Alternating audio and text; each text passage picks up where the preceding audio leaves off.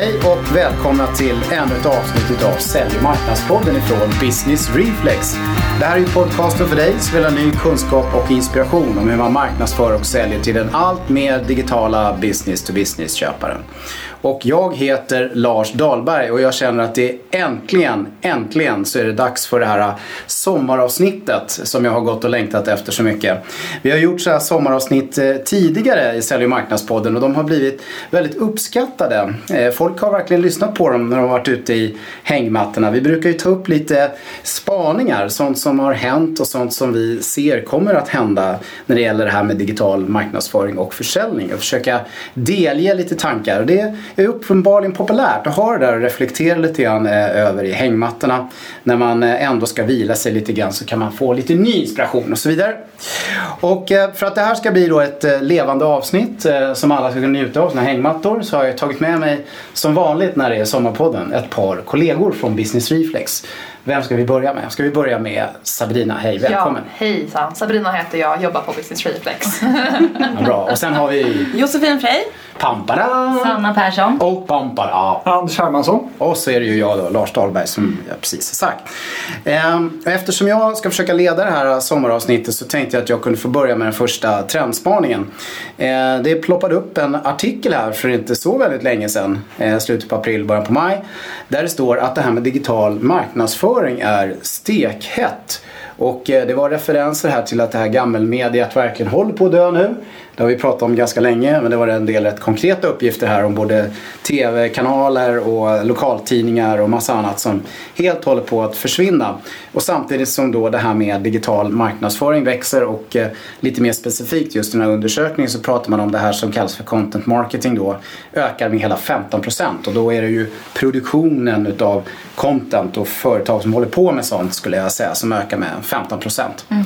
eh, så det är ju väldigt kul och väldigt spännande att eh, folk börjar fatta det här nu. Eh, men eh, i den här artikeln då så tas det upp ett antal trender, rättare sagt sju trender. Mm. heliga, heliga talet sju. Mm. Det är ja. intressant att det här med sju kommer tillbaka hela tiden. Ja, som i alla sagor. Sju dvärgar och sju trender. Och, ja, och sju steg till framgångsrik content marketing. det är sju, det heliga talet. Sjuarmade ljusstakar och annat spännande. Ja. Men de här sju trenderna i alla fall då så säger den så här att den första trenden är att syftet står i centrum. Eh, nästa trend är eh, väck uppståndelse och våga sticka ut, står det där. Eh, en tredje är eh, det man kallar för Omni Channel. det vill säga sätt mottagaren i centrum oavsett kanal, eh, så är den trenden förklarad. Eh, nå en väldigt nischad målgrupp, att det blir mer och mer nischtänk här när man jobbar med det här. Och sen så är det då rörligt material som en annan tydlig trend. Eh, man pratar ju också om en eh, mobil som känns ju ganska självklart men det är med här också på den här sju-listan. Och till sist så säger man då att det här blir mer och mer en, verkligen en datadriven process. Ja, här har vi de här sju trenderna. Eh, hur känner ni nu business reflexare om de här sju trenderna? Stämmer de här eller hur är det? Ja, det, det till, ja, till stor del tycker jag absolut att de stämmer. Det är det som har liksom, ja, pratats om väldigt mycket men också det som vi känner själva fungerar också väldigt väl liksom, när man går in på de här trenderna. Ja, du är inne på det här med datadriven process helt enkelt. Ja, precis. Jag är en person som gillar att just kolla på analys och siffror och kopior. Det är min lilla grej jag sitter och kollar på varje månad. Datanörd. Ja, precis. Min datanörd. Och just när det här nya verktyget Google Data Studio kom ut så ja, kan inte bli jätteexalterad men det var väldigt, väldigt kul faktiskt att kunna se det. Mm. Ehm, mm. Så att det är väl just det här att för det första kunna mäta på ett bra sätt, kunna mäta rätt siffror. Många hakar mm. oftast på, bara på sig på webbtrafiken och liknande. Men att verkligen kunna mäta sin säljprocess, eh, kunna mäta ja, hur det egentligen går från ja, hela sin säljtratt. Från mm. att folk kommer in på sajten till att de verkligen blir en kund och kunna få ut det på ett väldigt bra sätt. Och där tycker jag också eh, Google Data Studio får till det väldigt bra för där kan man verkligen få med flera källor. Liksom inte bara Analytics och inte bara AdWords utan du kan samla allting på ett och samma ställe och kunna få en större liksom, överblick. Mm. Och kunna göra det väldigt snyggt också. Det är väldigt bra grafiskt liksom, verktyg att kunna använda. Och spara mycket tid också. Absolut. Slippa sitta manuellt och hämta. Ja, precis. Tidigare var det att man fick sitta väldigt ofta i antingen Excel eller Google Sheet och kunna skriva in alla siffrorna manuellt. För att få till en graf över månaden eller över, över året. Nu kan du liksom bara koppla in alla källorna så blir det direkt en snygg graf och Mm. rätt siffror på en gång. Och sen är det ju gratis också. Ja. Det är väldigt bra. Vi har faktiskt ett eget avsnitt om detta eh, som vi kan, eh, ni kan kika efter. Men eh, vi hade ju en annan här tyckte jag som eh, jag, tror att vi är mitt mer specifikt intresserade av. Den här Omnichannel-grejen. Vad säger vi om den? Eh, vad tror du Sanna om det? Jo men det tror jag absolut är någonting som fler och fler börjar förstå. Förut var det mycket att man hade ett budskap, budskap man visste vad man ville säga och sen så basunerade man ut det liksom i alla kanaler som man kunde. Men nu så har man börjat förstå vikten av att man faktiskt beter sig olika beroende på vilken kanal man är. Eh, till exempel man kollar på de vanligaste, Facebook, LinkedIn, YouTube. Man är kanske inte på YouTube under dagstid för då sitter man förhoppningsvis på jobbet och gör andra saker. Eh, så att man kollar på när köparen är i vilken kanal, vad gör de där, vad letar de efter för information just där och hur vill de bli bemötta, vad är liksom tonen i kanalen så att man helt enkelt anpassar sig efter köparen oavsett kanal. Mhm. Och det tror jag är något jag som håller med. se ännu mer av. Mm. Ja, eh, det här med att väcka uppståndelse då och sticka ut med eh, genom innehåll som väcker större uppmärksamhet. Som sätter företaget i större sammanhang. Eh, Det är så de beskriver trenden. Vad säger vi om det då Josefin? Är det så eller? Ja, jag håller med. Ehm, att våga sticka ut lite grann mer genom sitt innehåll är en trend som vi kan se i olika sammanhang, både i olika kanaler. Och då finns det ju både positiva och, och negativa eh, typer av uppståndelse som man kan väcka. Vi har ju upplevt en del positiva också och har några konkreta exempel. Bland annat eh, English Sweden som jobbar väldigt mycket med Adam Karlsson, pennpojken. Där eh, han samlar ihop pennor för att slå ett världsrekord. Ehm, och, och stöttar honom. Mm. Och använder det i sin marknadsföring också. Just det, och English Sweden Mm. pysslar ju med, eh, med reklampennor. Eh, De har verkligen tagit till sig det här. De sticker ut på lite andra sätt också. Kopplar ihop sig med mindfulness och, och andra sådana här företeelser. eh, Och, och gör det väldigt bra, väldigt framgångsrikt. Ja, Ja, sen har vi ju lite andra kunder som gör det här också. Ja, men vi har ju en annan härlig kund som heter Imagimob som Mm. har claimat egentligen ett begrepp som vi ser är på, på uppgång i stort sett i hela AI-världen. De jobbar med AI-teknik och det är det här med AI on the edge. Mm. Eh, Så vad de har gjort är att de skriver eh, om det här och ser till att bli hittade på det här. Eh, Och vad vi tror det är att det här kommer bli väldigt stort inom en snar framtid och då har de varit först med det. Så helt enkelt hitta ett eh, trendigt och eh, långsiktigt bra begrepp att satsa på. Mm. Ja, jag tycker gjort. ett jättespännande exempel. En, ett ganska litet startupföretag som verkligen tar den här eh, domänen. Det är jättespännande. Precis. Och Sabrina och jag, vi har ju jobbat Ja. tillsammans på ett eh, revisionsföretag som heter Revideco som kaxade upp sig rejält och har tagit eh, konceptet Startup School. Ja men precis, just det här när man är nyföretagare, vad man egentligen ska tänka på. För visst, när man är som nyföretagare tänker man ja, men jag behöver såklart en bra idé och liknande men det är väldigt mycket ja, kring det ekonomiska men också affärsmannaskapet eh, som de har då hjälpt till med sin startup school. Med då utbildning som är då kostnadsfri helt enkelt. Man kan komma på och de kan liksom få svar på alla sina frågor direkt av auktoriserade revisorer. Och det har ju gått extremt bra, liksom varit väldigt, väldigt uppskattat. Eh, Så det inte bara blir liksom, ja, revision och redovisning som de har pratat om utan de pratar om nyföretagare, liksom hur du driver din verksamhet på ett bra sätt. Precis, och det snurrade en grej på LinkedIn här för så länge sedan också där, eh, där eh, det var en person som hade ambitionen att samla ihop olika sådana här exempel. Och det snurrade upp ganska mycket exempel där. Så att, eh, eh, där man försöker göra på det här sättet. Eh, ja, jag kan tycka att de här sju trenderna eh, kan hålla med lite det Sabrina sa inledningsvis. Att det, de kan man väl nicka åt och hålla med och några av de här har vi tagit upp. Eh, men det jag tycker generellt sett är en, en tydlig trend det är ju det här med att, att väldigt många börjar förstå den nya strategiska inriktningen.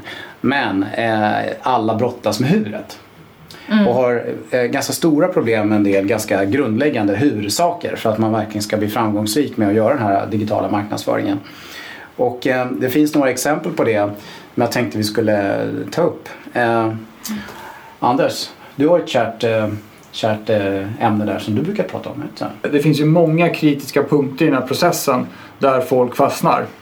Och eh, en kan man väl säga, det är ju det finns gamla, gamla dogmer och gamla uppdelningar mellan avdelningar och funktioner på företag. Där marknad genererar leads som säljs sen skiter i att följa upp. Det är den vanliga dealen. Eh, och det där är fortfarande ett problem Eh, skulle jag säga. Så att eh, eh, någonstans som man måste vara extra noga när man designar sin eh, digitala affärsprocess eh, och sin digitala marknadsföring. Det är ju överlämningen mellan marknad och sälj. Och helst skulle jag säga ta steget längre och titta över titta på sin organisation så att det inte blir två silos där man kastar saker över muren till andra sidan. Utan att man jobbar mycket mer ihop om den här eh, affärsgenereringen. Så att det blir en sammanhållen process. Mm, och ska jag kommentera på det här kan jag känna att de som verkligen har satsat på digitalt och jobbat med det, där har man lyckats mycket, mycket bättre med att få upp marknad och sälj än de som inte har. Ja, det blir, en, det blir, det blir i alla fall ett, ja, det blir en ny sak där man kan hitta en gemensam agenda. Vilket eh, tror jag är förutsättningen. Ja, eh, någon annan viktig hudtrend då? Eh, Sanna, vad känner du? Ja, men jag tänker på det här med persona. Att eh, det är inte så himla lätt. Och det är samma sak där, att de flesta har förstått att, att man bör ha en persona, eller fler. Eh, man vet vad det är, men det här med hur man tar fram sin persona, det är inte alltid så himla lätt. Eh, och ofta slutar det med att man sitter hemma på kammaren i, bakom stängda dörrar och gissar lite sig till hur man tror att den här personen eh, har för utmaningar och hur den, hur dens köpresa ser ut istället för att faktiskt använda sig av ja, men, riktiga processer och metoder för att ta fram det här på ett mer pragmatiskt sätt. Till exempel personintervjuer, igenom Datainsamling ett- på olika vis. och Ja, så. precis. Ja. Så att man liksom har en mer systematisk metod att, att göra det på. Så, Jo. så och en sak är ju att ta fram det liksom en gång. Det är verkligen det svåra är att underhålla det i Ja, för de, man ändras ju. Det händer mycket. Det här som att tänka utifrån och in. Det är ju förvånansvärt svårt Svårt. alltså. Ja. Herregud. De flesta när vi nämner det första gången i workshop, då säger absolut, det gör vi. Ja. Och sen så brakar det loss med, med eh, totalt motsatta inifrån och utuspar och grejer. Ja. Så att tänka utifrån och in, det är, det är en stor utmaning. Och det hänger Mm. ju väldigt mycket ihop med personen. Ja, det är nästan som man behöver måla upp sin persona på en bild och sen sätta upp den på väggen och hela tiden varje morgon bara kolla på den här personen. Be till den. Vem Ja. är det? Ja. Ja, sen har jag ständiga frågor om content Josefin som jag vet att du brinner mycket för. Mm. Ehm, många av eh, kunderna som vi träffar, många som vi pratar med har en stor utmaning i att, att få fram relevant content. Och vem är det som ska skapa contentet? Vad ska man skriva? Hur ska man skriva? Och sen så fastnar det där någonstans. Så att man kommer liksom inte riktigt till skott. Ehm, och man glömmer nog väldigt ofta att man kan återanvända mycket av det som finns sen innan. Eh, och vissa, vissa gånger så kanske man inte riktigt vet men vad är content? Nej, precis. Ja, men det, så är det. Och jag tycker det är samma sak som med personan också. Att eh, sätter man sig ner i någon sorts projektform och ska göra det, okej, då får man det gjort. Men när det ska bli en del av vardagen, det är då den stora utmaningen kommer. Ja, eh, jag kan generellt sett känna lite grann om jag ska ta någon sån här huvudgrej, det är att det är fortfarande för mycket fokus på liksom, kampanjtänk. Man pratar bara inbound digital campaigns istället för att liksom verkligen prata en löpande omgående process där man försöker hjälpa en köpare på en köpresa bättre och bättre. Eh, tycker jag är lite tråkigt faktiskt. Eh, Men sen kan ju kampanjer vara bra i vissa fall. Men Ja, det i vissa gäller fall att kan det välja rätt tillfälle. Ja. precis. Ja, kombinera. ja. Jaha, ja. Eh, vad säger vi mer då eh, om detta? Vi, eh, det finns ju en liten trend här Josefin som du har pratat en del om. Det här med att det inte är B2B längre utan att det är B4B. Ja, då kan vi titta lite grann igen eh, som jag eh, pratade om tidigare. Att vi läser ju väldigt mycket artiklar och några artiklar som på senare tiden har dykt upp i, i flödet på LinkedIn bland annat handlar om att eh, business to business är någonting som är dött och att vi nu pratar mer om business for business. Ja, Mm, eh, det är men jag, ja, jag skulle vilja hävda att det inte riktigt är en trend i det avseendet. Utan jag tror att det är många företag som länge har jobbat i linje med business for business-tänket. Och att det handlar mer med värdegrund och, och relationen som man har till sina kunder. För det handlar ju inte längre om att vi är ett vi mot dem, liksom, att det är den, det tänket, utan det finns bara ett vi. Och att vi måste lyckas. ehm, och för att lyckas måste vi liksom fort, för att få fortsätta existera så måste vi sträva mot det här gemensamma målet och det är ju kundens. Mm. Ja, vi, har ju, eh, alltså, vi pratar hela tiden här om att eh, digital marknadsföring ska vara hjälpande och tillföra ett värde och alltihopa det där. Det, det hänger ju också ihop med hela det här B for B-tänket plus hela det här resonemanget om att, eh, eh, att man ska liksom försöka leverera en upplevelse till sin köpare eh, snarare än en produkt eller en tjänst. Eh, det hänger ju också ihop med det att man måste tänka verkligen liksom utifrån köparens perspektiv även i, i business to business så att det verkligen blir en upplevelse. Och där har det ju länge varit en skillnad också när man tänker business to consumer. Att, att generellt ska man säga att eh, vi närmar oss eh, mer mot tänket för den moderna business to consumer marknadsföringen. Där man har tänkt att man säljer och marknadsföras inte bara till eller mot företag utan gentemot människor som liksom arbetar eh, på ett företag. Eh, vi fungerar ju så att vi letar efter samarbeten som gynnar och speglar oss själva och vår identitet eller företagsidentitet i det här fallet. Och då vill vi inte bli sålda till utan vi vill hitta tjänster och produkter som kompletterar oss, företaget och stärker bilden av eh, vår vision och stöttar oss på den resan mot målet. Precis. Men det är en ganska bra sammanfattning tycker jag. Jag gillar uttrycket det där. Mycket elegant. Ja. Väldigt Det är tjusigt. jag blir, ibland blir sjukt irriterad. Varför kom jag på det? Exakt. Ja, vi får se vem som claimar domänen här då. Men eh, eh, Sanna, du har ju pratat ganska mycket tycker jag hela, hela vårvintern här då, om eh, det här med influencer marketing och att det håller på att hända massa grejer i B2B där också. Ja. Eh, som någon sorts trend. Eh, eller har de snott det här från B2C eller hur är det? Nej men det är väl någonting som egentligen alltid har funnits inom B2B. Men Ja, eh, man ser det allt mer digitalt nu skulle Mm. jag säga. Eh, och de flesta eh, förknippar nog främst influencer marketing med bloggare som lägger upp härliga Instagram-bilder med en produkt i, på en strand nere någon, på något härligt ställe. Ja. Eh, men jag skulle säga att, ja men som sagt vi ser det mer och mer hos business to business. Eh, och det är ju inte så konstigt eftersom, ja som sagt, vi, vi ser Mm. upp till människor och vi vill köpa det de köper och sådär. Och jag skulle säga också att det är extra viktigt med det här om man riktar sig till millennials. Mm. För att eh, det är en målgrupp som är extra känslig mot uppenbar reklam. Mm. Eh, generellt sett. Man blir liksom allergisk när man hör säljpitch och sådär. Eh, Man Ja, de är vana med att lära sig allt på, på Youtube och, och bli marknadsförda Ja. via det. Precis, man vill inte bli säljd på som du sa Josefin heller. Nej. Eh, och då har ju vi jobbat på lite olika sätt med det. Ja. Eh, och man kan väl säga att man kan göra det på olika nivåer. Det enklaste sättet kan ju vara att bara publicera eller återpublicera någonting som någon annan redan har publicerat. Mm. Eh, ett blogginlägg, kurera det och lägga till en egen kommentar till det. Mm. Eh, om man vill gå lite, satsa lite mer så kan man försöka få ihop ett eh, antal relevanta gästbloggare på sin blogg. Mm. Eh, som eh, bloggar om, det behöver inte vara någonting som har direkt koppling med företagets Nej. verksamhet men någonting som ändå går att eh, Något som är relevant för personen. Ja, precis. Eh, och sen, och det, det gäller ju då att då får man ju dels tillgång till deras nätverk men man får också rida lite på deras trovärdighet och, och sådär. Så det är många fördelar. Och content.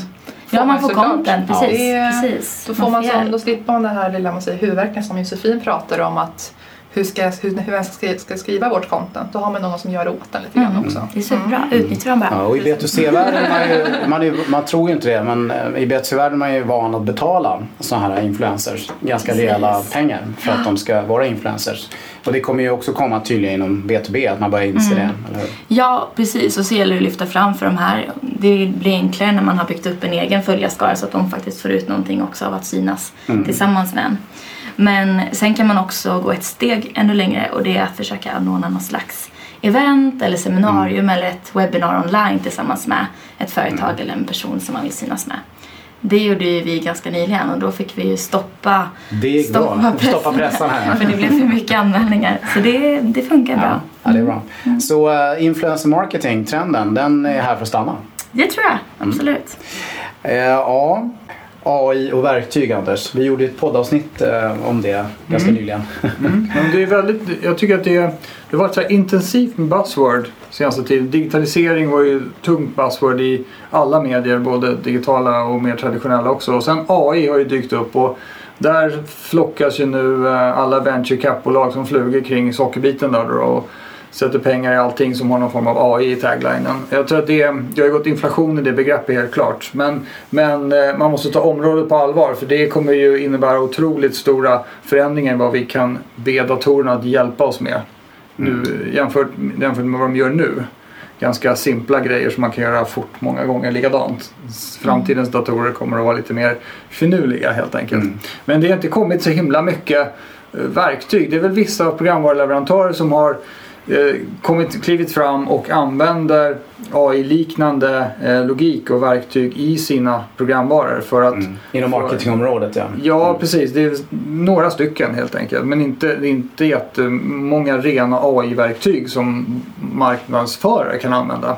Det kanske kommer det också, eller det gör det väl säkert. Men, men eh, ja, ett område som definitivt är på frammarsch.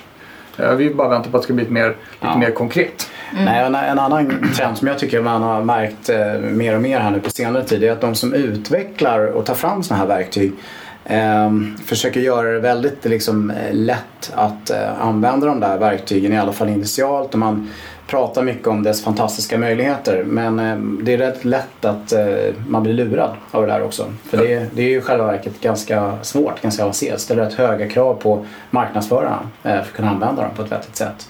Det kan bli rätt mycket besvikelse det Men mycket mer konkret exempel det är ju att marketing automation-marknaden Mm. har formligen exploderat och det har ju verkligen ingenting med AI att göra än så länge. Nej, absolut inte. Eh, Men däremot så är det många nu som, många säljare som är ute och säljer, eh, kränger på folk marketing automation system. Eh, som de sitter med sen med två långa ko- licenskontrakt som kostar hur mycket som helst. Det är bara det att de kommer inte igång för det är ju jättekrångligt att få igång ett ordentliga bra flöden i marketing automation system.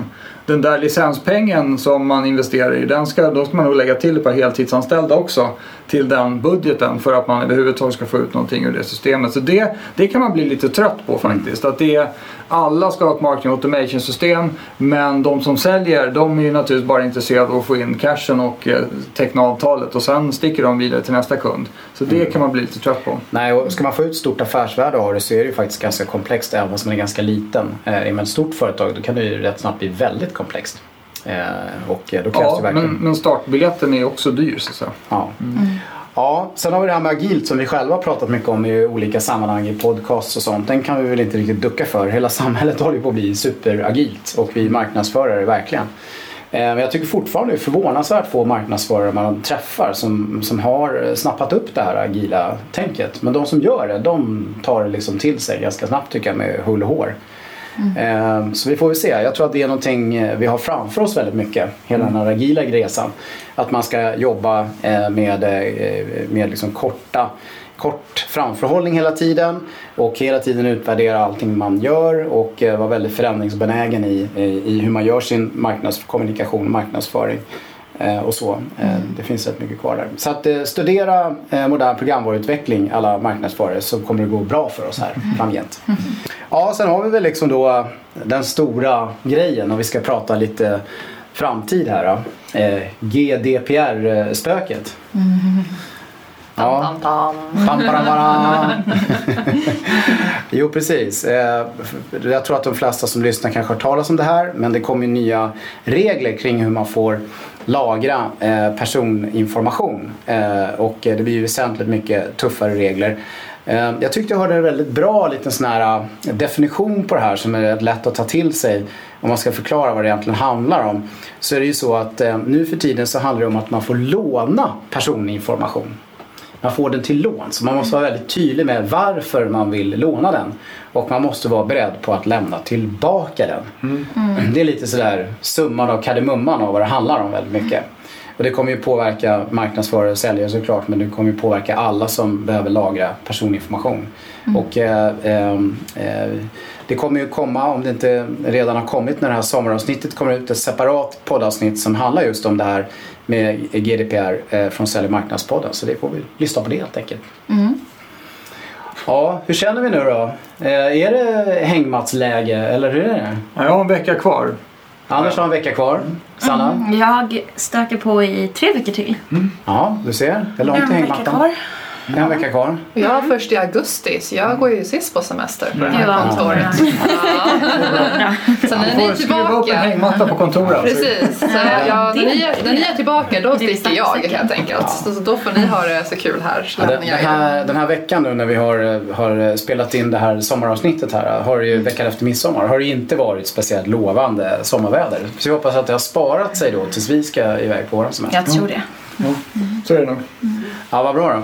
Hörni, ska vi se då om vi kan klara av att leverera slutklämmen tillsammans? Ja. Ja, ja. Vad ni än gör där ute så ska ni se till att vara Relevanta. Då! Tack och hej! Glad sommar!